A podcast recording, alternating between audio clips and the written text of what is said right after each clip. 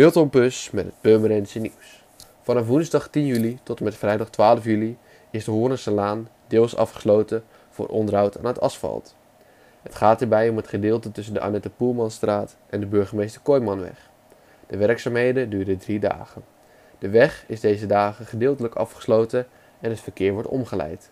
De fietspaden aan beide kanten zijn wel begaanbaar. Zaterdag 13 juli vindt een nieuwe editie van het Electronic Picnic Zomerfestival plaats. In het Leegwaterpark vind je op verschillende podia diverse muziekstijlen, internationale artiesten en lokale helden uit Purmerend en omstreken. Een kaartje kost 29,50 euro. Het festival start om 1 uur s middags en om 11 uur s avonds sluiten de deuren. Braza Bar en Kitchen in Purmerend is tweede geworden in de Miss het Horeca Terras Top 100 2019. Dat werd maandag bekendgemaakt tijdens het Terras Top 100 event in Heerenveen. Het terras op de Koemarkt maakte indruk op de jury en heeft nu naast een zevende plek in de Café Top 100 ook een hoge positie te pakken in de Terras Top 100.